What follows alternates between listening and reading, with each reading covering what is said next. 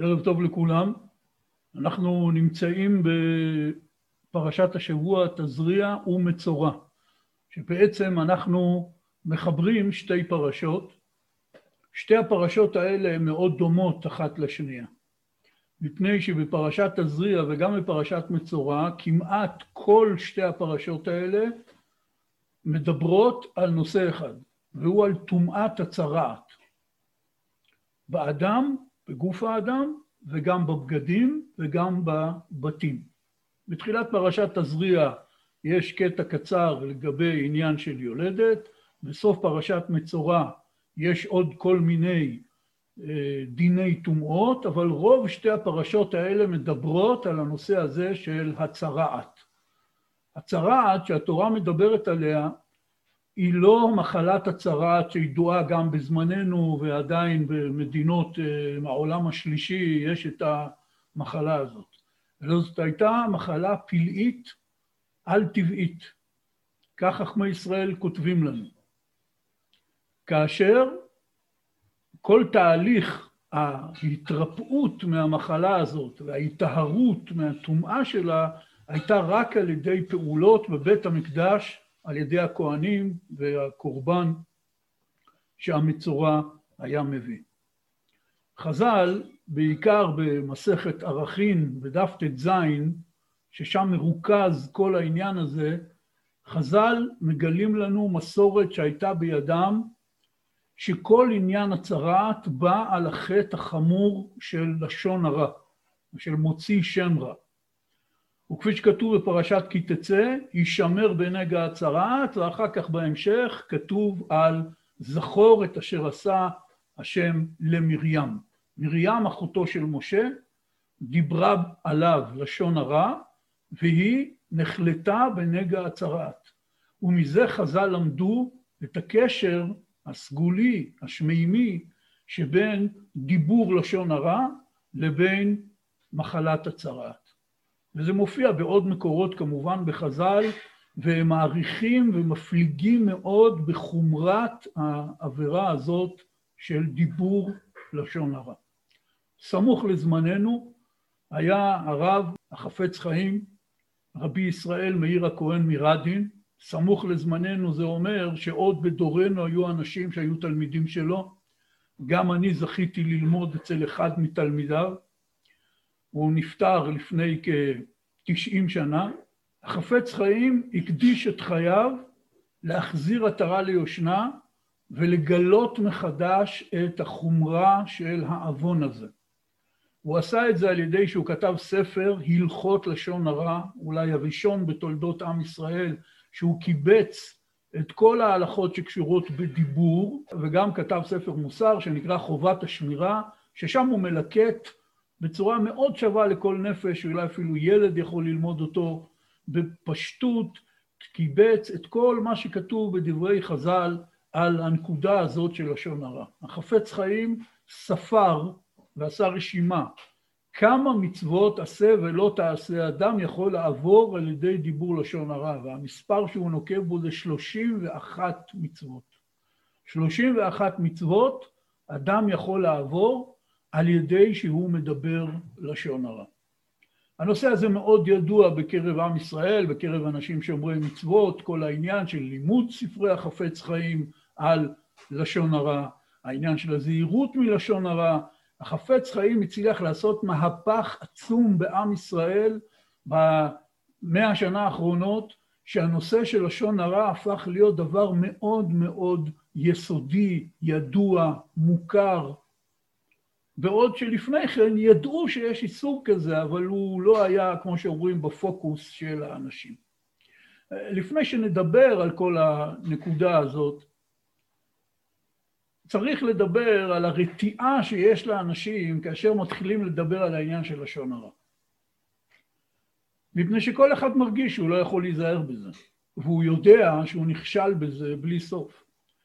ויש על זה סיפור מהחפץ חיים, שפעם הגיע אליו איזה סוחר עשיר ואמר לו, אני רוצה לקנות את כל הספרים של הרב, כי הרי החפץ חיים כתב הרבה מאוד ספרים בכל מיני נושאים, ספרים קטנים, ויצירתו הכי מפורסמת היא משנה ברורה, פירוש של שולחן ערוך אור החיים, שתוך זמן קצר מאוד הפך להיות ספר ההלכה העיקרי, המרכזי, שבו כל פסקי ההלכה, לפחות לכל היהודים האשכנזים, והוא היום הספר, או כמו שאמר עליו החזון איש, שהיה אחריו, שהפסקים של המשנה ברורה זה כמו פסקים של הסנהדרין בלשכת הגזית. לא ידוע לנו כמעט על שום ספר בתולדות עם ישראל של איזה פוסק שהפך להיות הספר הבלעדי של פסיקת הלכה. חפץ חיים זכה זכות מיוחדת במינה שאי אפשר לתפוס אותה. אז בא אותו סוחר ואמר לו הרב אני רוצה לקנות את כל הספרים שלך. כי כמו שאמרתי החפץ חיים כתב הרבה ספרים קטנים במרכאות על כל מיני נושאים חשובים ואקטואליים בחיי עם ישראל. הוא כתב ספר על חשיבות כיסוי ראש לאישה, הוא כתב ספר על חשיבות לא להתגלח בתער, הוא כתב ספר הלכה לחיילים יהודים בצבא הרוסי, הוא כתב ספר שפה הוא עוזר ליהודים שהיגרו ממזרח אירופה לארצות הברית ולדרום אפריקה, שכמעט לא היה שם שום תשתית של יהדות. הוא ממש הקדיש את ליבו ואת אה, גדולתו בתורה לכתוב לעם ישראל תמיד בלשון מאוד ברורה ופשוטה על כל נושא ונושא אקטואלי. והסוחר רצה את כל הספרים, אבל הוא אמר לו, הרב, את ספר חפץ חיים אני לא רוצה לקנות. אמר לו החפץ חיים, למה? למה אתה לא רוצה לקנות את הספר שלי על אה, לשון הרע? אמר לו הסוחר, תראה הרב, אני כל הזמן בעסקים, כל הזמן מעורבב עם אנשים, אין מצב שאני לא אנצל מלשון הרע. זה ככה זה בני אדם, מדברים לשון הרע, אם זה בענייני עסקים, רכילות, כל מיני דברים. בקיצור, הוא לא רוצה לקנות את הספר כדי שהספר לא ייצר לו איסורי מצפון, כי הוא חושב, וככה הוא החליט בדעתו, שהוא לא יכול להימנע מדיבור לשון הרע. ואני מניח שגם בינינו יש הרבה אנשים שמרגישים ככה. אמר לו החפץ חיים, אתה צודק בהחלט, זאת באמת בעיה מאוד רצינית, והיא הטרידה גם אותי. ולפני שכתבתי את הספר, הלכתי להתייעץ עם רבי ישראל מסלנט. רבי ישראל סלנטר היה גדול תורה עצום בליטא בתקופתו של החפץ חיים, והוא זה שיסד את תנועת המוסר, כל גדולי המוסר במאה ומשהו שנים האחרונות עד לימינו הם תלמידים או תלמידי תלמידים של רבי ישראל סלנטר. אפשר לומר שכל הישיבות שיש היום בדורנו הן הולכות על פי שיטת רבי ישראל סלנטר. והוא היה גם גדול עולם וגם בעל דעה סמכותית ומשמעותית מאוד בליטא של אותה תקופה. וגם היה אז גדול הדור בכל ענייני המוסר ויראת שמיים. הלך אליו בחפץ חיים, שהיה אז הרבה יותר צעיר ממנו, ואמר לו הרב, מה יעזור אם אני אכתוב ספר על הלכות לשון הרע, כאשר רוב האנשים מרגישים שהם לא מסוגלים בכלל להימנע מלדבר לשון הרע, מפני שזה סגנון הדיבור וככה רגילים. אמר לו רב ישראל סלנטר, אתה צודק, זאת שאלה גדולה, אבל תכתוב את הספר. ואפילו עם כל מה שתרוויח, זה שאחרי שהאדם ילמד את ההלכות, הוא רק ייתן ככה איזו הנחה טובה, יענח לעצמו איפה אני ואיפה זה, אומר כבר הכל היה שווה. ככה ענה חפץ חיים לאותו סוחר. כלומר, תקנה את הספר, תלמד את ההלכות, תדע מה מותר ומה אסור בכל נושאי הדיבור. וגם אם אתה מרגיש שאתה לא יכול לקיים את זה, לפחות תהיה לך איזו הנחה יהודית טובה של איזה הבעה של חשק ורצון לפחות לעשות את רצון השם, אפילו שאני עדיין לא מסוגל לזה, לפחות תדע מה לרצות. הנקודה הזאת היא מאוד מאוד עקרונית. ולכן מראש בפרשות תזריע ומצורע במיוחד בכל הספרים בזמננו, בכל הדרשות של כל הדרשנים, מנסים להתעורר מחדש בקדושת הדיבור. להתחיל להבין שהדיבור הוא הדבר המרכזי של האדם. ידוע ומפורסם סיפור על הבעל שם טוב הקדוש. שהוא אמר פעם לכמה תלמידים שלו שייסעו לאיזו עיירה רחוקה. לא הסביר להם למה, אבל הרבי אמר, הם עושים. נסעו, הגיעו לאותה עיירה, היה שם איזה פונדק של יהודי, ששם אפשר לאכול ולישון, אבל אז הם התחילו לחשוש על כשרות המזון. קראו לבעל הפונדק והתחילו לתחקר אותו, מי השוחט פה בעיירה, עד כמה הוא יודע הלכות שחיטה, איך שחטו את הבשר, האם הבשר הזה הוא כשר לפי כל הדקדוקים וההידורים. בפינת הפונדק ישב שם איזה יהודי עני פשוט למראה. אמר להם, אוי חסידים, חסידים, כמה אתם מקפידים על מה שאתם מכניסים לפה, אבל כמה אתם לא מקפידים על מה שאתם מוציאים מהפה. והם הבינו שהבעל שם טוב שלח אותם לעיירה הזאת כדי שהם יקבלו את התובנה הזאת. זה מה שגם ניסה החפץ חיים להכניס לתודעה של עם ישראל. יש איזה מושג כזה, מה זה נקרא להיות דתי, או דתי מאוד, או היום חרדי, או אפילו חרדי מאוד. בדרך כלל אנחנו מדברים בעניינים האלה על מצוות מעשיות. הוא מאוד מקפיד בכשרות המזון, הוא מחמיר חומרות רבות בכל מיני עניינים מעשיים, התפילין שלו הכי מהודרות, הטלית הכי מהודרת וכן הלאה. אבל כל גדולי ישראל, מחז"ל עד לגדולי הצדיקים בזמננו, מנסים כל הזמן להסביר לנו שעיקר העיקרים הוא החומרה בלהיות בן אדם. להקפיד על הדיבור, להקפיד על המידות, להקפיד בבין אדם לחברו. וכבר הזכרנו כאן בשיעורים מזמן את העניין הזה שכתוב בפרשת כי תצא. שם מובאת בסוף הפרשה המצווה זכור את אשר עשה לך עמלק. והדבר הזה הוא מאוד מאוד יסודי בעם ישראל ובתורה. כפי שהפסוקים אומרים, כי יד על כס יה מלחמה על השם בעמלק מדור דור. וחז"ל אמרו על הפסוק הזה, אין הכיסא שלם ואין השם שלם עד שימחה זכרו של עמלק.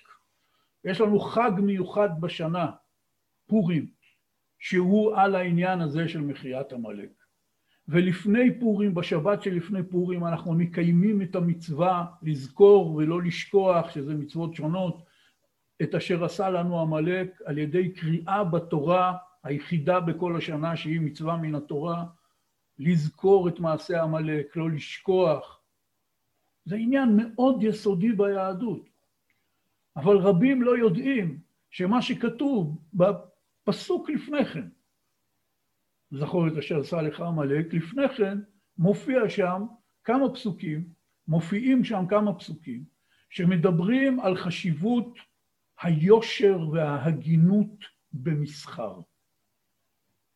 שכאשר אדם מוכר דברים במשקל, כמו שמוכרים דברים רבים, הוא צריך מאוד להקפיד שהמשקל שלו יהיה מדויק.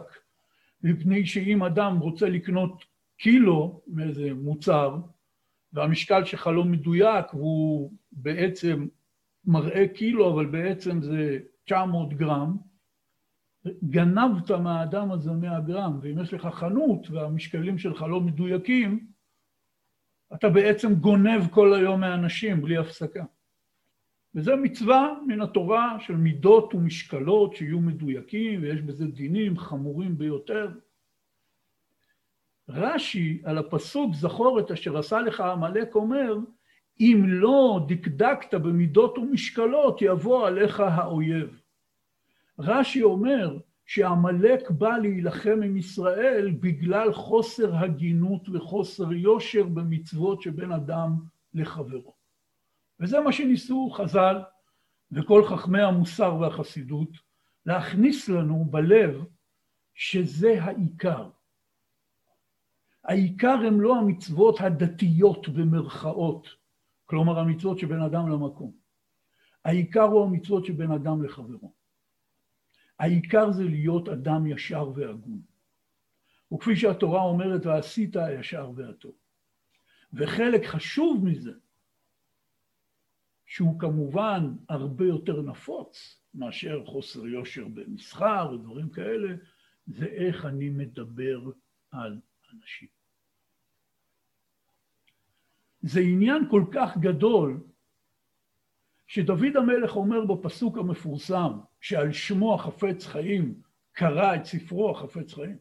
אומר דוד המלך, מי האיש שחפץ חיים, אוהב ימים, לראות טוב, נצור לשונך מרע ושפתיך מדבר מרמה. סור מרע ועשה טוב, בקש שלום ורודפהו. מה כתוב כאן? אומר דוד המלך, מי האיש שחפץ חיים? אתה חפץ בחיים? אתה רוצה אריכות ימים ובריאות וחיים טובים? מה זאת אומרת אתה רוצה? זאת בעצם התשוקה המרכזית של כל אדם. זה העניין המרכזי שבו האדם בעצם מתמקד כל ימי חייו. שיהיו לי חיים טובים. זה כל העניין. חיים טובים שאני אעשה לעצמי איזה כוס קפה כמו שאני אוהב, וחיים טובים שיהיה לי בית מפואר ואושר ונכסים, כל הדמיונות שיש לאדם. מה זה נקרא חיים טובים? כפי שהיום אומרים על אחד שיש לו רכב מפואר, בית מפואר, חשבונות בנק מלאים, אומרים, יש לו הכל. ואותו אדם יכול לשמוע את הדיבור הזה ולצחוק בליבו בעצב, כי הוא יודע שהכל זה אהבה ומשפחה, ואת זה אין לו. רכב, בית, כסף, זה לא מה שעושה לאדם חיים. זו טעות אחת של בני אדם. הטעות השנייה, יש ביטוי מאוד ידוע, שהוא בא מיידיש אגב, לעשות חיים. או כמו שאנחנו אומרים, כיף חיים. מה זה לעשות חיים?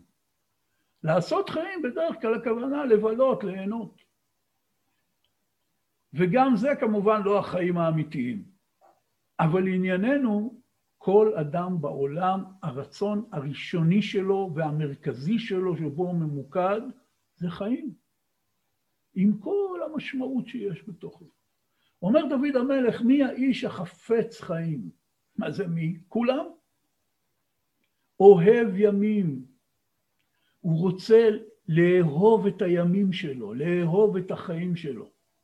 לכל אחד מאיתנו יש ימים שלא נשכח אותם לעולם. יום החתונה, היום שבו אולי נולד הילד הראשון או השני או השלישי וכן הלאה. ימים משמעותיים בחיים. יש לפעמים יום רגיל שעובר והיה יום טוב. הרי כולנו מאחלים אחד לשני שיהיה לך יום טוב. כולנו רוצים ימים טובים, אבל לצערנו יש לנו גם הרבה ימים שהם לא הכי טובים. או שקרו בהם דברים מעציבים, או שהיו פשוט סתם מין ימים אפורים שגרתיים כאלה, לא יום שיש מה לציין אותו בלוח השנה. איך היה היום שלך?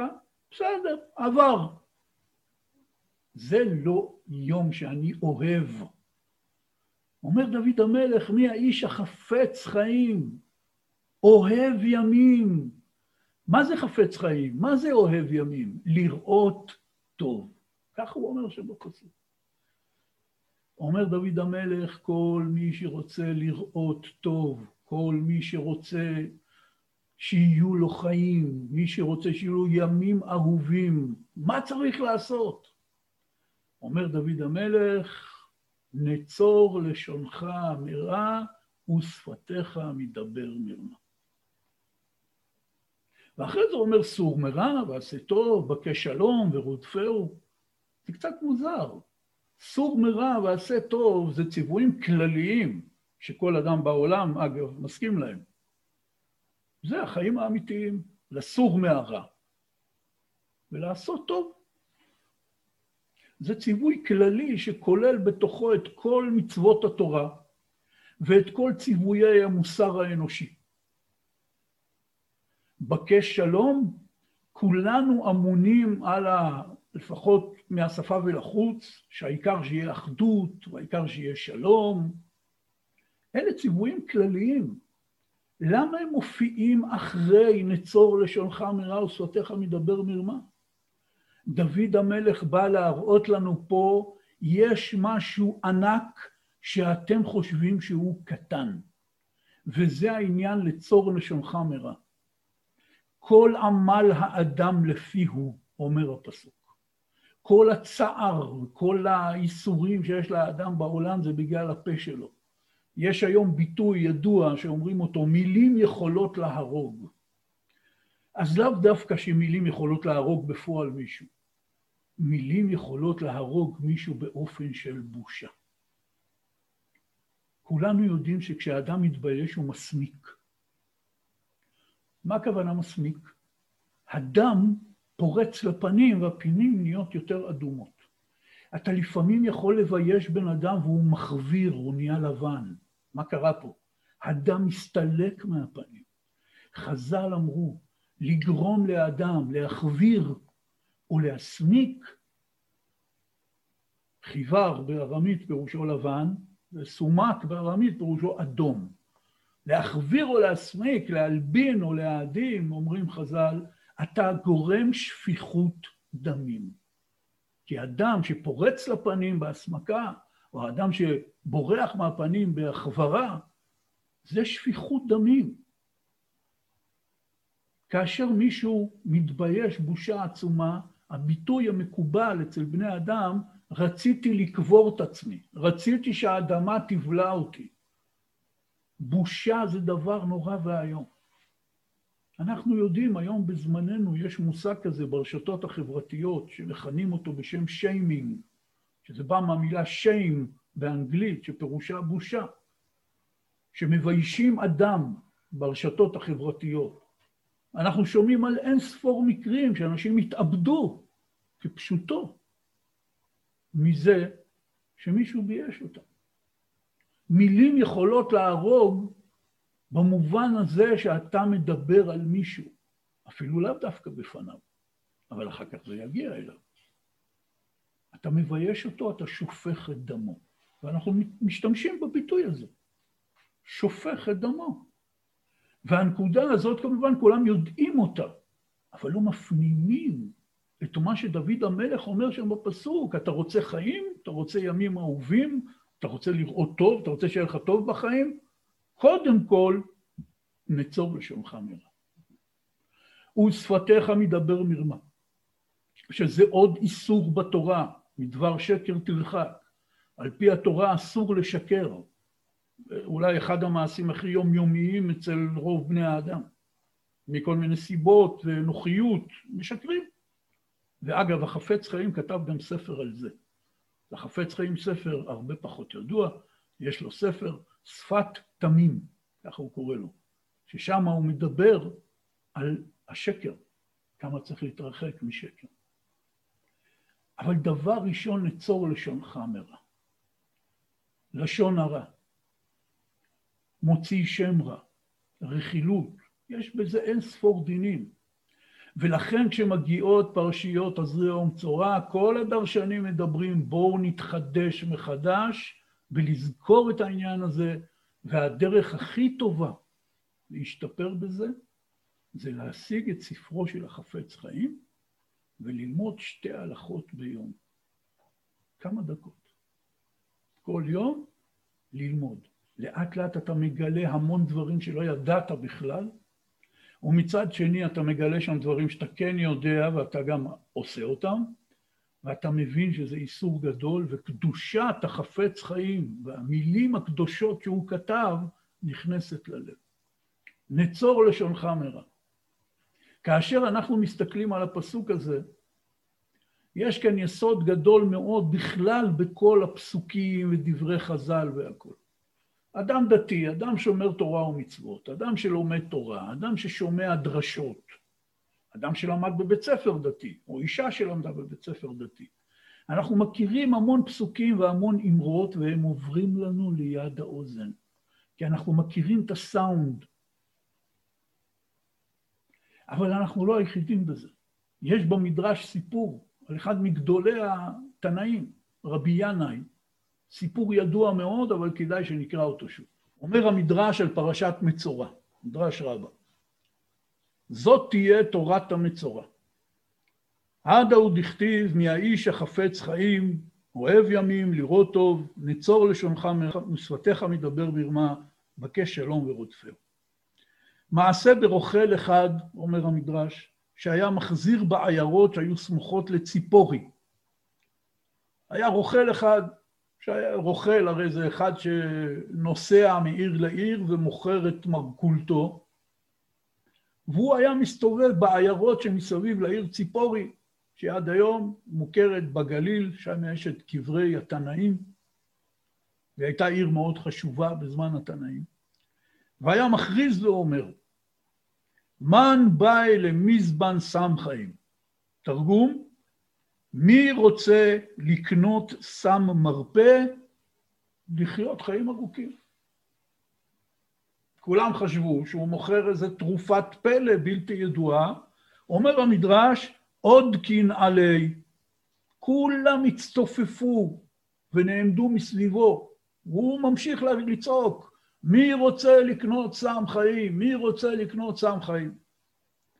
סמוך למקום הזה ישב רבי ינאי, מגדולי התנאים, מגדולי הרבנים באותו דור, וישב ולמד בבית שלו, למד תורה. והוא שמע את אותו רוכל מכריז, מי רוצה לקנות סם חיים? אמר לו, רבי ינאי אמר לרוכל, בוא, בוא לכאן, תמכור לי. אמר לו הרוכל, אתה לא צריך את הסם חיים שלי. ו... ולא לאנשים כמוך אני מכריז. בכל זאת רבי ינא התעקש, מה עשה אותו רוכל? הוציא לו ספר תהילים, הראה לו פסוק מי האיש החפץ חיים. מה כתוב מיד? נצור לשונך מרע, סור מרע ועשה טוב. הרוכל הזה הסתובב בעיירות מסביב לעיר ציפורי, והכריז שלטים גדולים, כאן מוכרים סם חיים. כולם באו לקנות. רבי ינאי גם מסתקרן. כשהוא בא אליו, הוא אומר לו, מה הסם חיים שלך? הוציא לו ספר תהילים, הראה לו את הפסוק, מי האיש החפץ חיים, לצור לשונך מרע. זה הסם חיים שאני מוכר. פסוק מתהילים. רבי ינאי שמע אותו ואמר, אף שלמה מכריז ואומר, שומר פיו ולשונו, שומר מצרות נפשו. רבי ינאי אומר לו, אתה צודק. הרי יש לנו פסוק במשלי, בפרק כ"א. אומר שלמה המלך, שומר פיו ולשונו, שומר מצרות נפשו. אמר רבי ינאי, כל ימיי הייתי קורא הפסוק הזה ולא הייתי יודע היכן הוא פשוט, עד שבא רוכל זה והודיעו מי האיש החפץ חיים. אומר רבי ינאי, מה שכנראה עובר על כל אחד מאיתנו, וזה מחזק מאוד לשמוע שגם אדם גדול עולם כזה, כמו התנא רבי ינאי אומר את זה, כל ימיי שמעתי את הפסוק הזה, ידעתי אותו, ולא הבנתי עד כמה הוא פשוט, עד כמה זה נכון. לא הקשבתי למילים. אם איזה רב הכי גדול בעולם, איזה מקובל גדול, היה פתאום קורא לנו בהפתעה, ואומר, תקשיב, יש לי איזה עניין להגיד לך. היה אומר לנו את הפסוק, מי האיש החפץ חיים, לצור לשולך מרע. כמובן שכל אחד היה מאוד מתרגש, אומר, לך תדע, למה הרב הזה קרא לי דווקא לי, ולמה הוא אמר לי דווקא את הפסוק הזה? הרי מאותו יום הפסוק הזה יהפוך להיות משפט המפתח של החיים של כל מי שהוזמן לרב המקובל הזה. כי הוא מבין שיש כאן דבר מאוד משמעותי, רלוונטי, אישי אליו, התיקון שלו, כמו שאומרים היום. דוד המלך היה יותר גדול מכל הרבנים בדורנו ומכל המקובלים בדורנו, ולא רק מהמקובלים בדורנו, מכל המקובלים בכל הדורות. ודוד המלך ברוח הקודש שלו כלל כל איש ואישה מעם ישראל בכל הדורות. וכאשר כל אחד ואחת מאיתנו אנחנו אומרים תהילים, אנחנו נכללים בתוך לשון רוח הקודש של דוד המלך, שהוא שורש נפשות ישראל. הוא משיח השם. לכן, בכל ספר תהילים שיש לנו בבית, יש לנו בטח איזה עשרים סוגי ספרי תהילים, מהכי קטן ועד הכי גדול, כל פסוק שם הוא מדובר בדיוק בשבילנו, וזה הרבה יותר משמעותי מאשר אם איזה מקובל גדול היה קורא לי ואומר לי את הפסוק הזה. הבעיה היא שאנחנו רגילים לפסוקים, אז אנחנו אומרים את זה. כל אחד מאיתנו אומר לפעמים תהילים, והוא מגיע למזמור ל"ד בתהילים, וקורא שם את הפסוק מי האיש החפץ חיים, אוהב ימים, לראות טוב, ניצור לשלוחה מרע, ובסדר, תהילים, אומרים תהילים. גם רבי ינאי היה ככה. אומר רבי ינאי, כל ימיי הייתי קורא הפסוק הזה, ולא הייתי יודע היכן הוא פשוט. עכשיו, אתם צריכים לדעת שהמדרש הזה שקראתי עכשיו מופיע בעוד כל מיני מדרשים של חז"ל, ובאחד המדרשים שם יש השלמה מעניינת. מה עשה רבי ינאי? נתן לו שישה סלעים, והאכילהו והשקהו ושלחו. הוא לא סתם אמר על כל ימיי. נתן לו שישה סלעים, זה המון כסף, ממש סכום גדול מאוד. ונתן לו לאכול ולשתות ושילח אותו בכבוד. אמרו לו תלמידיו, רבי, לא היית יודע פסוק זה? התלמידים מאוד השתוממו. הרב, מה קרה? הבן אדם פתח לך ספר תהילים והראה לך פסוק שאתה יודע אותו בעל פה. מה לתת לו שישה סלעים וכבוד, אוכל, משקה וכל זה, מה העניין פה? ואז הוא ענה להם, כל ימיי הייתי קורא את הפסוק הזה ולא שמתי לב. הוא הפנה את תשומת ליבי למה שכתוב בפסוק הזה. שמי שרוצה חיים וימים טובים ולראות טוב, ניצור לשונך מרע, זה העניין הראשון. ועכשיו גם נזכרתי בפסוק של שלמה המלך. שומר פיו ולשונו, שומר מצרות נפשו.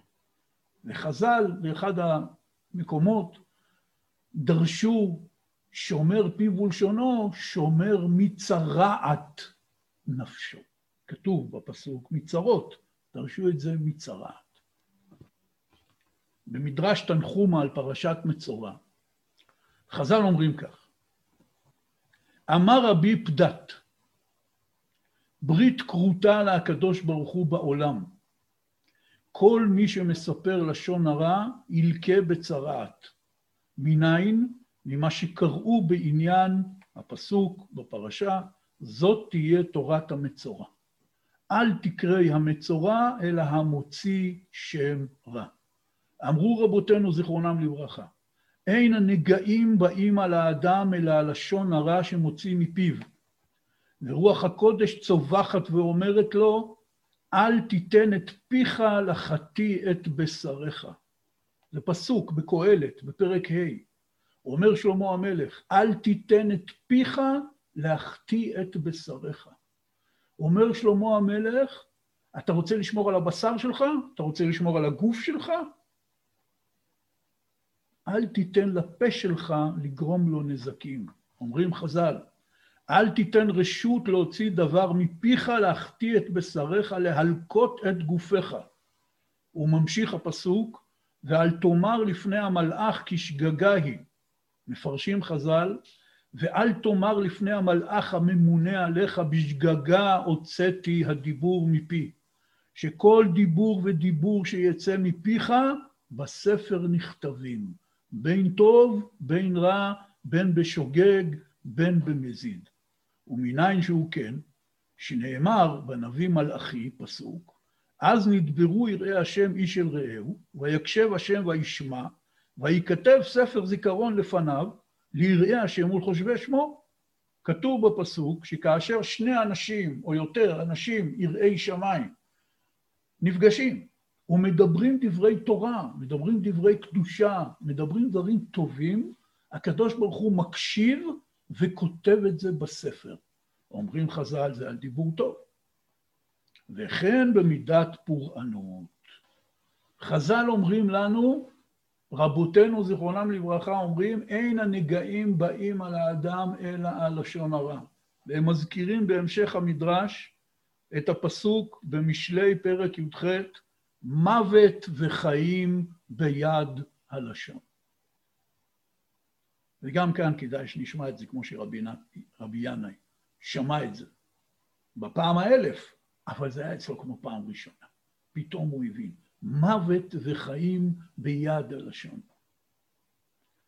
אנחנו כולנו, אם אנחנו שומעים איזו שמועה אפילו, בלי שאנחנו יודעים את המקור, שיש איזו סגולה לחיים, לבריאות, כולנו מנסים לעשות אותה. כאשר אנחנו שומעים איזו שמועה שאומרים בשם מישהו, שמי שעושה כך וכך, זה יכול להיות מאוד מסוכן לבריאות. באופן סגולי אני מדבר עכשיו. כולנו מאוד נזהרים. אני אתן דוגמה. כתוב בספרי קבלה שלא טוב לשלב את האצבעות ככה. לא משנה כרגע הסיבות.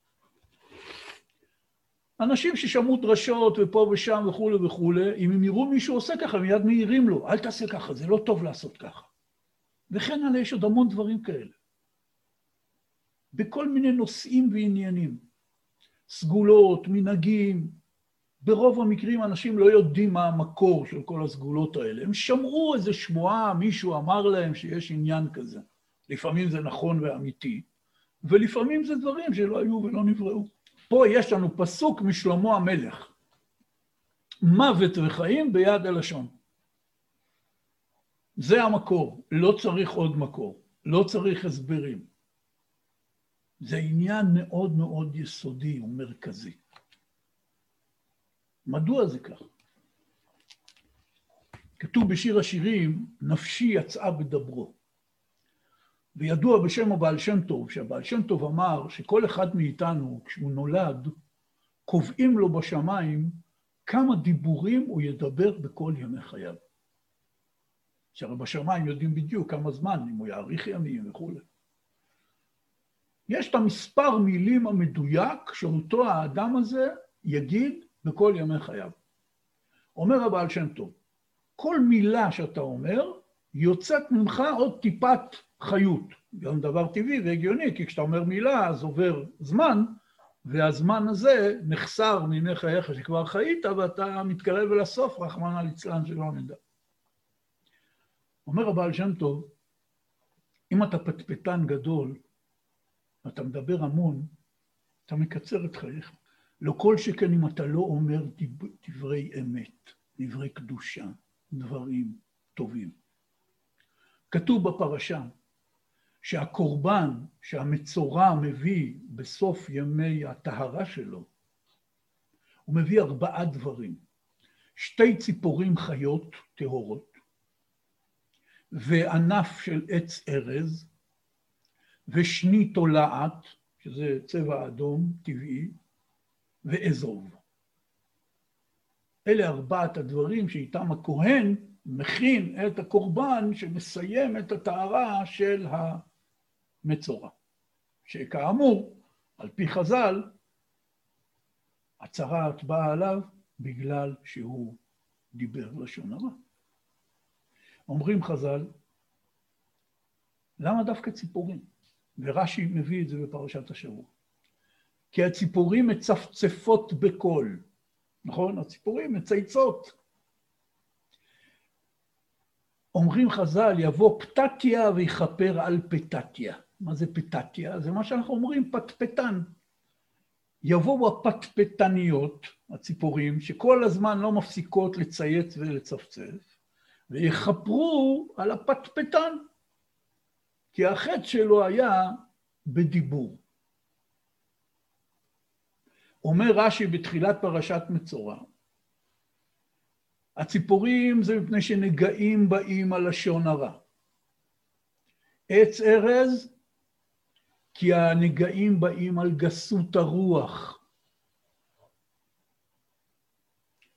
עץ ארז הוא עץ גבוה מאוד. גסות הרוח זה שהאדם מתגאה, מגדיל את עצמו כאילו לגובה של עץ ארז. אומר רש"י, אתה פטפטת והיה בך גסות הרוח וגאווה. זה מה שמרמזים. מה התיקון? אומר רש"י, שני תולעת ואזוב. תולעת זה יצור הכי קטן. אזוב זה העשב הכי קטן. ישפיל את עצמו, יוריד את הגאווה שלו, ינמיך את קומתו. אז יש פה את הקלקול, הציפורים על הפטפטנות, והעץ ארז על הגאווה, והתיקון הוא תולעת ואזור. ינמיך את הגאווה שלו. למה אדם מדבר לשון הרע? אדם מדבר לשון הרע, כפי שכתוב בספרים, משתי סיבות. אחת, הפקרות. שתיים, גאווה וגסות הרוח. מה הכוונה הפקרות? הפה של האדם הוא הפקר. אנחנו התרגלנו לדבר מה שבא לנו. והאדם מונע על ידי כל מיני דברים, אם זה שעמום, אם זה צער בלב. הוא מנסה להסיח את דעתו על ידי פטפוטים. אם זה כדי להרשים אנשים אחרים. אדם רוצה להראות את עצמו שהוא, יש לו מידע שלאף אחד אין, אז הוא מתחיל לספר לשון הרע, שמעת מה קרה איתו, שמעת מה הוא אמר, שמעת מה הוא עשה. הפה של האדם נהיה הפקר, וכל עניין התורה, ולא רק התורה, אפילו החכמים שאינם מעם ישראל, כל חכמי המוסר האנושי, אומרים שהבעיה מספר אחת של האדם זה שאין לו גבולות. הוא חי בהפקרות, והתיקון לזה הוא להתחיל להציב גבולות, להיות אדם שמולך על עצמו. והדבר שהכי קל לאדם לעשות, וגם הוא עושה אותו הכי הרבה, זה הוא כל הזמן מדבר. והוא מפטפט.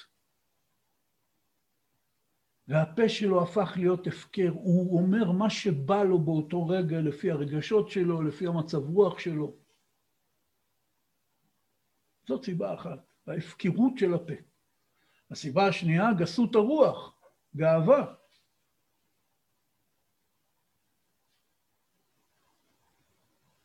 כדי שהאדם ירגיש גדול, הוא צריך להקטין את האנשים שלידו.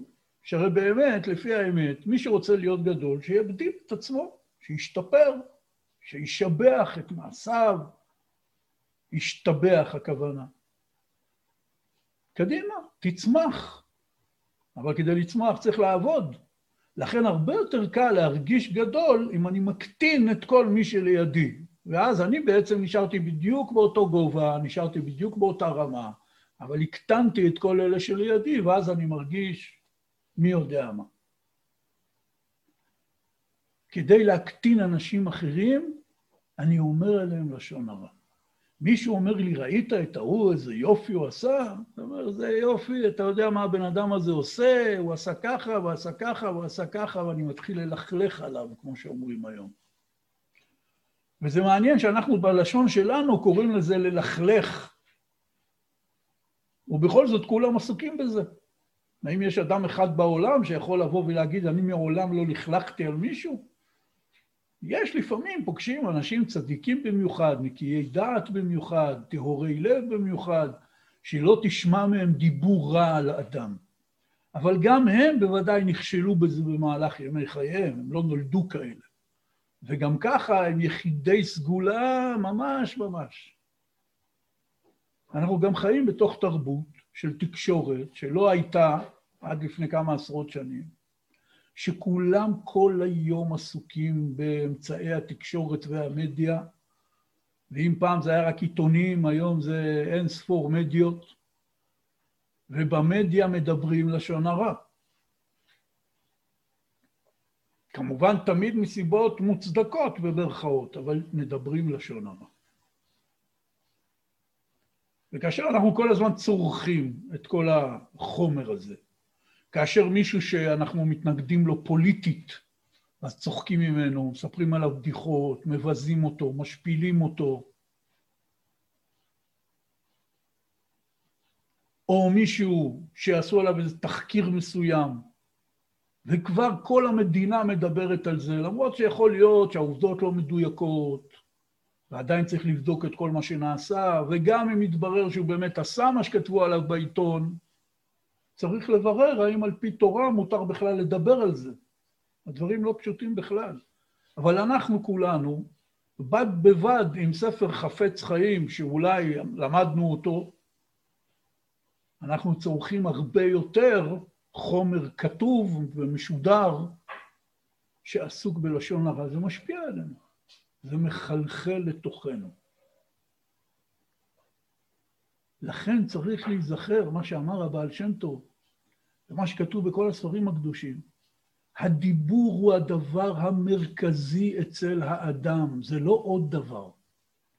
אנחנו כולם מכירים שיש ביטוי כזה שהיה נהוג אצל חכמי אומות העולם וגם אצל חכמי ישראל, שמחלקים את המציאות לדומם, צומח וחי. יש אפילו משחק כזה, שאומרים אות וצריך לכתוב דומם וצומח וחי. אבל יש ארבעה סוגים בעולם, דומם, כל החפצים הדוממים, צומח, כל הצמחים, חי, כל החיות, והאדם נקרא אצל חכמי ישראל הקדמונים מדבר. הדומם מתואר כדומם, והצומח כצומח, והחי כחי, אבל האדם מתואר כמדבר. וכפי שכתוב ממש בבריאת העולם, בספר בראשית, בתחילת ספר בראשית.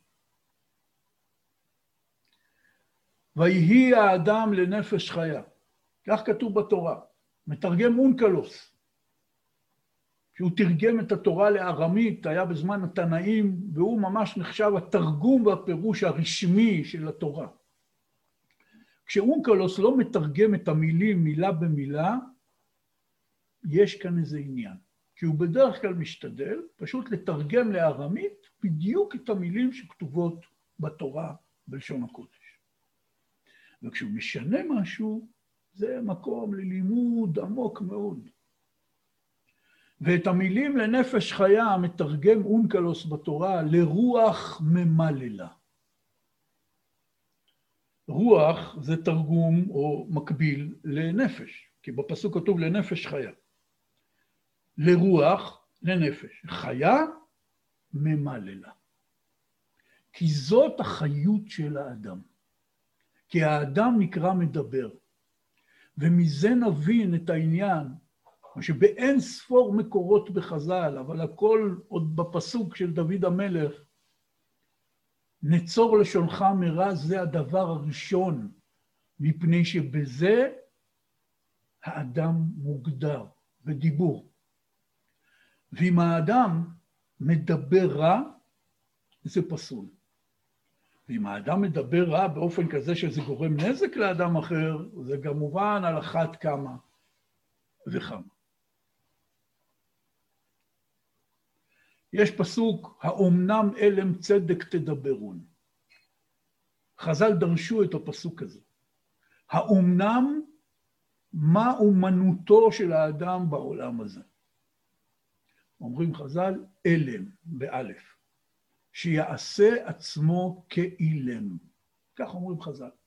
מה אומנותו של האדם בעולם הזה? שיעשה את עצמו כאילם. שואלים חז"ל, מה, באמת הכוונה שיעשה עצמו כאילם, שהוא לא ידבר? אומרים חז"ל, לא.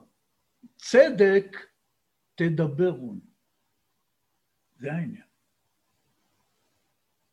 תעשה את עצמך כאילם מדיבורים רעים. צדק תדברון, תדבר הרבה, רק דיבורים טובים.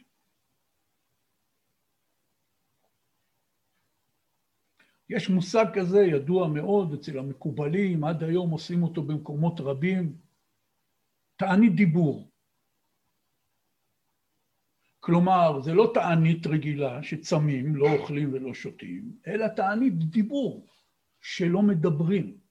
ועד היום, לפחות בירושלים, דבר מאוד נהוג בבתי הכנסת, שעושים יום אחד תענית דיבור ואנשים מצטרפים, מגישים לכולם כיבוד, יושבים כל היום, תענית דיבור. מה זהו? לא מדברים? הפוך, בתענית דיבור מדברים כל היום בלי הפסקה.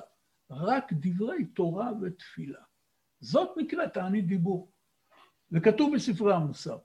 עצה טובה לכל אחד מאיתנו.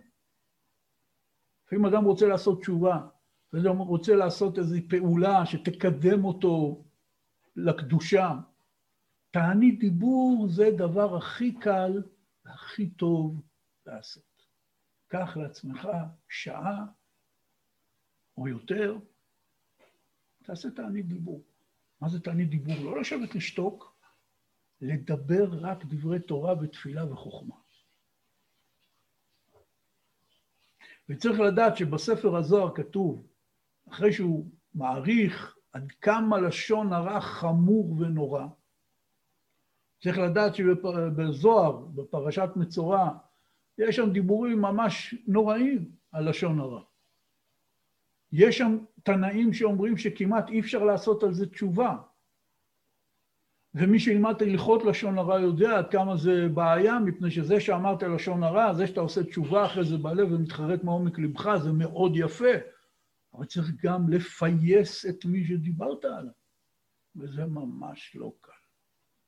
אולי אחד הדברים הכי קשים בעולם זה שהאדם ילך לאדם אחר, ואילו דיברתי עליך לשון הרע, ואני מבקש ממך סליחה. כי אתה גם מפחד, הוא ישאל אותך, מה, מה אמרת עליי? אתה אומר לו, לא, לא משנה, עזוב. הוא אומר לך, לא, אם אתה לא אומר לי מה אמרת עליי, אני לא סולח לך. זה מעשים שבכל יום. לכן אולי אפשר להגיד, ככה נראה לי, אולי אני טועה, שרוב האנשים לא מבקשים סליחה ממי שהם דיברו עליו לשון הרע, אפילו ממתחרטים, והם מחליטים שהם יותר לא יעשו את זה. לכן הזוהר אומר, תשובה לא מספיקה. זה דבר נורא ואיום וקשה. אבל בספר הזוהר כתוב דיבור שהוא זה שיכול לעזור לנו איך להימנע מלשון הרע. הזוהר אומר, כמו שדיבורים רעים על אדם אחר זה דבר נורא ואיום, והתורה כל כך מחמירה בו, דיבורים טובים על אדם זה דבר עצום ונפלא. וכך אומרים חז"ל בגמרא במסכת ערכי. אחרי שהגמרא, באותו דף בגמרא, שהוא המקור כמעט לכל הדיבורים שנאמרו על פרשת תזרים מצורע ועל חומרת לשון הרע, כתוב בגמרא, ואמר רבי יוחנן משום רבי יוסי בן זמרה, כל המספר לשון הרע כאילו כופר בעיקר, שנאמר בתהילים במזמור י"ב, אשר אמרו ללשוננו נגביר שפתנו איתנו, מי אדון לנו? זה בדיוק מה שקודם אמרנו. הגאווה גורמת לאדם להגיד לשון הרע. אשר אמרו, נגביר שפתנו, נדבר לשון הרע, שם דוד המלך מדבר על אלה שדיברו עליו לשון הרע. ובסוף נהיה, מי אדון לנו? כופרים בעיקר, לא מכירים באדנותו של הקדוש ברוך הוא. והזוהר מסביר לנו, וזאת העצה, תשתדל לדבר תמיד טוב, לאו דווקא על אנשים. תרגיל את עצמך לדבר דיבורים חיוביים. תרגיל את עצמך לדברי תורה וחוכמה. כפי שחז"ל אומרים שם בגמרא, אין אפשרות עכשיו לקרוא את כל מה שהם אומרים, שהתקנה של מי שדיבר לשון הרע, אם הוא תלמיד חכם, יעסוק יותר בתורה, ואם הוא עם הארץ, שהוא לא כל כך קשור ללימוד התורה, ישפיל את עצמו.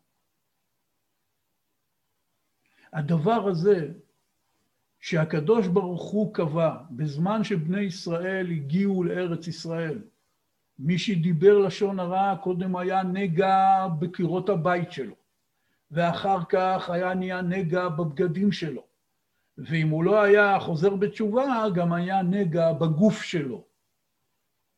כך כתוב בפרשת השבוע, וכך זה היה. זה היה אות ופלא.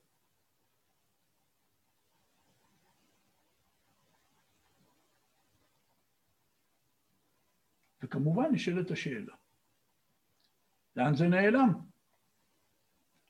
מדוע פתאום נעלמה צרעת הבית, צרעת הבגדים וצרעת הגוף, כמו שמתוארת בתורה, זה לא קיים בזמננו. הרי גם בזמננו מדברים לשון הרע ומוציאים שם רע. אז לאן זה נעלם? ועונה על זה החפץ חיים בספר שלו חובת השמירה, ומסביר כך. הרי בתורה, זה תהליך שלם. כמו שבפרשת תזריע מתואר כל הנגעים שיכולים לבוא בגופו של אדם, ובפרשת מצורע, פחות או יותר, גם בפרשת תזריע זה מוזכר, אבל בעיקר בפרשת מצורע מתואר תהליך ההיטהרות והתיקון.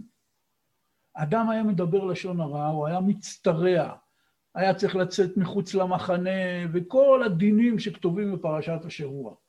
והיה צריך אחרי התקופה הזאת להקריב את הקורבן, כמו שאמרנו, שתי ציפורים חיות טהורות ועץ ארז ושני תולעת ואזור. ואז הוא היה נטהר, הוא היה נתקן מזה.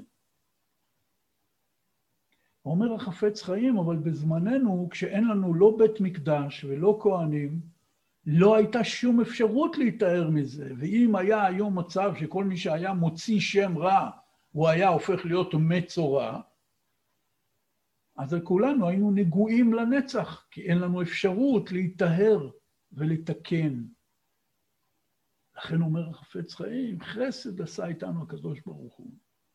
שהיום אנחנו לא מקבלים את כל הנגעים האלה, אבל על אחת כמה וכמה שאנחנו צריכים להיזהר מאוד, וכמו שאמרתי, כפשוטו, ללמוד את ההלכות כדי שנדע ממה להימנע, ואם נכשלנו, איך צריך לתקן, על פי ההלכה. ממי צריך לבקש סליחה, ואיך מבקשים סליחה, וכל התהליך. נסיים אולי בדבריו של הרמב"ם. אצל הרמב"ם, בספרו היד החזקה, משנה תורה, יש כמובן, הוא כותב על כל ההלכות שיש בכל התורה כולה, הוא כותב גם על הלכות טומאת צרעת. ובסוף הלכות טומאת צרעת הוא כותב את הדברים האלה. אומר הרמב"ם, כל מה שקרוי צרעת בתורה אינו ממנהגו של עולם. זה לא איזה משהו טבעי, זה לא עוד איזה מחלה. אלא אות ופלא היה בישראל כדי להזהירה מלשון הרע. שהמספר בלשון הרע משתנות קירות ביתו. אם חזר בו, יטהר הבית. ואם עמד ברשעו עד שהוא טץ הבית, שהרי בתהליך, אם אחרי שהכהן בודק כמה פעמים את קירות הבית, כמו שכתוב בפרשיות השבוע, ורואים שהנגע לא עבר, צריך לנתץ את קירות הבית. ואם הוא עמד ברשעו, וניצו את הבית, משתנין כלי האור שבביתו, שהוא יושב ושוכב עליהם, ואם חזר בו יטהרו. ואם עמד ברשעו עד שישרפו, שהרי כלי אור שיש בבית ויש בהם נגע צרעת, אם הם לא נטהרים, צריך לשרוף אותם. ואם עמד עד שישרפו, משתנה עורו ויצטרע, ויהיה מובדל ומפורסם לבדו. כי הרי המצורע צריך להתרחק מבני אדם, וכמו שכתוב בתורה, וטמא טמא יקרא, כאשר אנשים מתקרבים אליו צריך לצעוק טמא, טמא, כלומר אל תתקרבו אליי. וכפי שהראו בתחילת מחלת הקורונה, שמעתי על זה שיחה של הרב זמיר כהן, שהוא מראה איך אפילו זמן הבידוד והכל זה היה ממש כמו שקבעו בקורונה. זה היה איזה מין שחזור כזה קטן, ביום של ההרגשה הזאת שאסור לאנשים להתקרב אחד לשני, שני מטר אחד מהשני, ברוך השם כבר שכחנו מכל הגזרות האלה, אבל כמעט שנה ידענו צריך לשמור על ריחוק שני מטר, ואיסור מגע, וזמן של בידוד למי שחשוד שהוא נדבק, הוא מובדל ומופרש לבדו, אומר הרמב"ם, המצורע. הוא מובדל ומופרש לבדו. עד שלא יתעסק בשיחת רשעים. כותב לנו הרמב"ם, שבדרך כלל בכל ספריו הוא כותב להלכה, פה הוא פתאום מביא לנו איזו דרשה מעניינת. למה מצורע צריך להתרחק מבני אדם? כדי שהוא יתרחק מדיבורים של בני אדם, משיחת הרשעים, שהיא הליצות ולשון הרע. אומר הרמב"ם, רשעים עוסקים בדיבור של ליצנות ולשון הרע, זה הדיבור. ואם זה מזכיר לכם כלי תקשורת וסרטונים בלי סוף, אתם לא טועים. וכל אחד מאיתנו כמה רפואת הנפש הוא צריך כדי להתרחק מכל הליצנות והלשון הרע שיש בכל המדיה שמקיפה אותנו, שאם נרצה, ולפעמים אפילו אם לא נרצה, היא מחלחלת לנו לתוך החיים. אומר הרמב"ם, זה שיחת רשעים. ועל עניין זה הוא מזהיר בתורה ואומר, הישמר בנגע הצרעת, זכור את אשר עשה השם אלוקיך למרים בדרך. כלומר, מרים נצטרעה והייתה בבידוד אחרי שהיא דיברה לשון הרע על משה רבנו. אז אתה צריך מאוד להיזהר. אומר הרמב"ם, הרי הוא אומר, התבוננו מה אירע למרים הנביאה, שדיברה באחיה, שהיא גדולה ממנו בשנים, וגידלתו על ברכיה, וסיכנה בעצמה להצילו מן הים, מהיאור. והיא לא דיברה בגנותו, אלא טעתה שהשוותה אותו לשאר נביאים, כי הדיבור של מרים היה, למה הוא לא מתחתן? והוא לא הקפיד על כל אלו הדברים, שנאמר והאיש משה עניו מאוד, ואף על פי כן מיד נענשה בצרת. היא הייתה צדיקה, היא הייתה אחותו הגדולה, היא מסרה עליו את הנפש, היא הצילה אותו, היא לא דיברה עליו גנות, היא רק אה, שאלה עליו שאלות שגרמו לסוג של אבק לשון הרע. ומשה רבנו לא הקפיד עליה בכלל, והרי התפלל לפני הקדוש ברוך הוא שהוא ירפא אותה, אל נא רפאנה לה. ובכל זאת היא נענשה בצרה. אומר הרמב"ם, קל וחומר לבני אדם הרשעים, הטיפשים, שמרבים לדבר גדולות ונפלאות. כלומר, מגזימים ומדברים, ומתוך זה באים ללשון הרע. לפיכך ראוי למי שרצה לכוון אורחותיו להתרחק מישיבתם ומלדבר עמהם, כדי שלא ייתפס אדם ברשת רשעים וסכלותם. ועכשיו הרמב"ם מסביר לנו מה זה ישיבת הרשעים, מושב ליצים, מושב הרשעים. וזהו דרך ישיבת הליצים הרשעים. בתחילה מרבים בדברי הוואי, כעניין שנאמר בפסוק, וכל כסיל ברוב דברים. מה זה דברי הוואי? סתם דיבורים. זה נקרא דברי הוואי. זאת אומרת, קודם כל, הם פשוט פטפטנים, מדברים המון. ומתוך כך באים לספר בגנות הצדיקים, כעניין שנאמר בפסוק, תעלמנה שפתי שקר הדוברות על צדיק עתק. ומתוך כך יהיה להם הרגל לדבר בנביאים ולתת דופי בדבריהם, כעניין שנאמר, והיו מלעיבים במלאכי האלוקים ובוזים דבריו ומתעתעים בנביאיו. ומתוך כך באים לדבר באלוקים וכופרין בעיקר. כמו שנאמר, ויכפאו בני ישראל דברים אשר לא כן על השם אלוקיהם. והרי הוא אומר בהם, שטו בשמיים פיהם, ולשונם תהלך בארץ. מי גרם להם לשים בשמיים פיהם? לשונם שהלכה תחילה בארץ. נסביר, אומר הרמב"ם, מושב הליצים, מושב הרשעים, זה קודם כל מפטפטים, מדברים בהפקרות, לא חושבים מה אומרים, לא אומרים. מתוך שהם מדברים המון, הם מתחילים לדבר נגד הצדיקים. עושים ליצנות לאנשים, יראי שמיים, אנשים צדיקים, כולנו מכירים את זה, כל האינטרנט והתקשורת מלאה בזה. מה שקוראים להם תוכניות סאטירה. מתוך זה שמדברים נגד צדיקים, כלומר נגד אנשים שומרי מצוות שעושים את רצון השם, הם גם מתחילים לזלזל ולדבר על הנביאים. מה מיוחד בנביאים לעומת הצדיקים? שהנביאים מקבלים דיבור ישיר מהקדוש ברוך הוא. וכאשר מדברים נגד הנביאים, ממילא הם גם מדברים נגד מי שהנביאים אומרים שהם מדברים בשמו וכופרים בעיקר, וזה מה שנקרא בפסוק, שטו בשמיים פיהם. הם מדברים נגד השמיים, הם מדברים נגד השם יתברך. איך זה קרה? ולשונם תהלך בארץ. הם התחילו בלשון הרע קטן על איזה דתי צדיק. מכאן הם הגיעו לדבר על הנביאים, ומשם הם כבר מדברים על הקדוש ברוך הוא, והם כופרים בעיקר. כך אומר הרמב"ם, זוהי שיחת הרשעים שגורמת להם ישיבת קרנות וישיבת כנסיות של עמי הארץ, וישיבת בתי משתאות עם שותי שיכר. זה נקרא יושבי קרנות אצל חז"ל.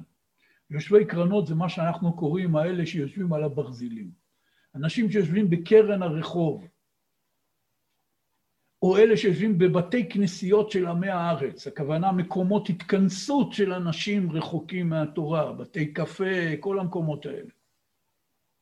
או בתי משתאות שבהם שותים שיכר, פאבים וכן הלאה. מי שרגיל לשבת שם, הוא יהיה חייב להיות מושפע ממי שרגיל לשבת שם. ואלה ליצנים ורשעים שמבזבזים את חייהם בפטפוטים ומגיעים עד כדי דיבורי כפירה. אבל היום כמובן יש את אה, בית המשתה הכי גדול בעולם, מקום כנסייה של עמי הארץ הכי גדול בעולם, הקרן הכי גדולה בעולם של יושבי קרנות, וזה כמובן האינטרנט. וברגע שהאדם נחשף לכל מה שאומרים שם, לא כל שכן הוא מתמכר, אם זה לתוכניות סאטירה, סרטונים מצחיקים, תוכניות טוק שואו וכן הלאה וכן הלאה, ברור מאוד מה יקרה לו. ולכן, גם אדם שגולש באינטרנט צריך לשים לב על מה הוא עושה קליק ולאיזה תוכניות הוא מתמכר. ולפעמים אנשים מעבירים אחד לשני אפילו בוואטסאפ סרטונים מכל מיני תוכניות סאטירה, שחלק מהם מאוד מצחיקים, חלק מהם זה לא לשון הרע, חלק מהם אפילו מחדדות את הראייה לראות נקודות מסוימות, אבל אתה הרי לא שולט על ה... איך אומרים היום? על הליין-אפ והאייטמים בתוכנית הזאת. ואתה בטוח תיתקל בדברי ליצנות נגד רבנים, נגד התורה, נגד שמירת מצוות וכן הלאה, לכן צריך לשמור על עצמנו מכל משמר. כי זה מושב ליצים בהגדרה. הוא מסיים הרמב"ם בדבר טוב, וגם אנחנו נסיים בדבר טוב. וכפי שאמרנו, שהעצה היא לדבר טוב, צדק תדברו. הפה הוא הדבר הכי חשוב שיש אצל האדם. כוח הדיבור זה הנשק מספר אחד שיש לאדם. לא מבקשים ממך לשתוק, מבקשים ממך לדבר צדק ואמת. דבר כמה שיותר. דברי צדק ואמת. לך תצחיק מישהו, תשמח מישהו, דבר, תפטפט איתו כל היום עד שהוא יעלה חיוך, אשריך, מה טוב חלקך. הדיבור הטוב הוא התיקון לדיבור הרע. מסיים הרמב"ם ואומר כך, אבל שיחת כשרי ישראל וצדיקיהם אינה אלא בדברי תורה ודברי חוכמה. ולפיכך כך הקדוש ברוך הוא עוזר על ידם ומזכה אותם בה, כלומר מזכה אותם בתורה. שנאמר בנביא, אז נדברו יראי השם איש אל רעהו, ויקשב השם וישמע, ויכתב ספר זיכרון לפניו, ליראי השם ולחושבי שמו. כך מסיים הרמב"ם. דברי תורה וחוכמה. עכשיו כמובן, יכול אדם לבוא ולהגיד, או אישה לבוא ולהגיד, אין לי דברי תורה וחוכמה, אז על, על מה אני אדבר? וזה לא נכון. לכל אדם יש תורה וחוכמת חיים, גם אם הוא לא בקיא בפסוקים, או באמרות חז"ל, או בתלמוד, או וכולי. ברגע שאני מקדיש את הדיבור שלי לדברי תורה וחוכמה, במובן הזה הפשוט, שאני מפיץ למי שאני מדבר איתו, חוכמת חיים, דברי מוסר אנושיים, ודברי חוכמה. לפעמים ללמד, אישה אחת מלמדת את השנייה איך עושים עוגה הכי טובה שיכולה להיות למשפחה, לכבוד שבת. זה גם דברי חוכמה, גם עשיית עוגות זה חוכמה. וכן הלאה, כמובן, עוד אין ספור דוגמאות שאתם יכולים לדמיין בעצמכם. ברגע שאני עסוק בדיבור חיובי, בדיבור של תועלת, זה אומר שאני עוסק בדברי תורה וחוכמה, מעבר לחיוב כמובן של לעסוק בדברי תורה במובן של ללמוד תורה, או לדבר דברי חוכמת התורה. זה עיקר העניין, דיבור תועלתי. הוא יכול תועלתי לצורך הרגש של מי שאני מדבר איתו כרגע, או דיבור תועלתי לעזור לו במשהו משמעותי, פרקטי, וכן הלאה. הרי אפילו לשון הרע אחד מהמקרים שבהם מותר לדבר לשון הרע, וכמובן צריך ללמוד את כל הפרטים בהלכה, זה לתועלת. לדוגמה, מציעים לאדם שותפות, והוא רוצה לברר על השותף הפוטנציאלי הזה אם הוא אדם ישר או לא, או אני מכיר חבר שלי שהולך לקנות באיזה חנות אצל איזה סוחר שאני יודע עליו בבירור שהוא רמאי וגנב. במקרים כאלה מותר למי ששואלים אותו להגיד זה אה, אה, דברים שהם לשון הרע, כי זה לתועלת.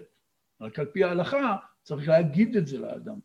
תשמע, אני שואל אותך עכשיו דברים, ואני רוצה שתספר לי כל מה שאתה יודע, אבל אני רוצה שתדע, זה לתועלת. זה לא סתם שאני מסתקרן על הבן אדם. אני רוצה לבדוק את זה, כי יש לי מזה משמעות מעשית. ואז מותר לזה ששואלים אותו להגיד הדברים רעים. רואים מזה שעיקר העניין הוא דיבור של תועלת, ואם אדם מתחיל להרגיל את עצמו לדבר דיבורי תועלת, לחזק מישהו, לשמח מישהו, לעודד מישהו, לתת למישהו טלפון, לנסות להסביר לבן אדם איך הוא פותר לעצמו איזה בעיה בחיים, להגיד לו דברי מוסר, דברי חוכמה, ואפשר לדבר כל היום בלי הפסקה בטלפונים ופנים אל פנים, ורק לדבר דיבורי תועלת. וזו שאלה שאדם צריך לשאול את עצמו בסוף כל יום. כמה דברי תועלת דיברתי היום? תועלת לעצמי, תועלת לאחרים. וכמה הצלחתי לשמר בעצמי עוד חיות, ולא הייתי נפשי יצא בדברו, שבזבזתי את הנפש שלי, בזבזתי את החיים שלי על דיבורים שהם בטלים ומבוטלים, דברי הבל או דיבורים אסורים. עיקר העניין, כמו שהרמב"ם רוצה להפנות את ליבנו, ויקשב השם וישמע ויכתב ספר זיכרון לפניו. ברגע שאני מרומם את עצמי, אני מתחיל להבין שבעולם הזה יש משמעות, לכל מעשה שאני עושה יש משמעות. כפי שהרמח"ל אומר ורבי נחמן אומרים, שאדם עושה פעולה הכי קטנה כאן בעולם הזה, הוא מנענע את כל העולמות העליונים. אני לא סתם בן אדם, אין בן אדם שהוא סתם בן אדם. אני חשוב. ומה שאני אומר ועושה וחושב, יש לזה משמעות גדולה בעולם, אחרת אני לא הייתי עכשיו בעולם. אם אני כאן בעולם, סימן שאני נצרך. והדיבור הוא הדבר שעומד מעל הכל. ולכן, כשאני מתחיל לשמור על הדיבור שלי ולדבר רק דברי צדק ותועלת, אני ממש מממש את עצמי ואת המטרה שלשמה נבראתי, וחוסך מעצמי הרבה צרות, כי שומר פיו ולשונו, שומר מצרות נפשו.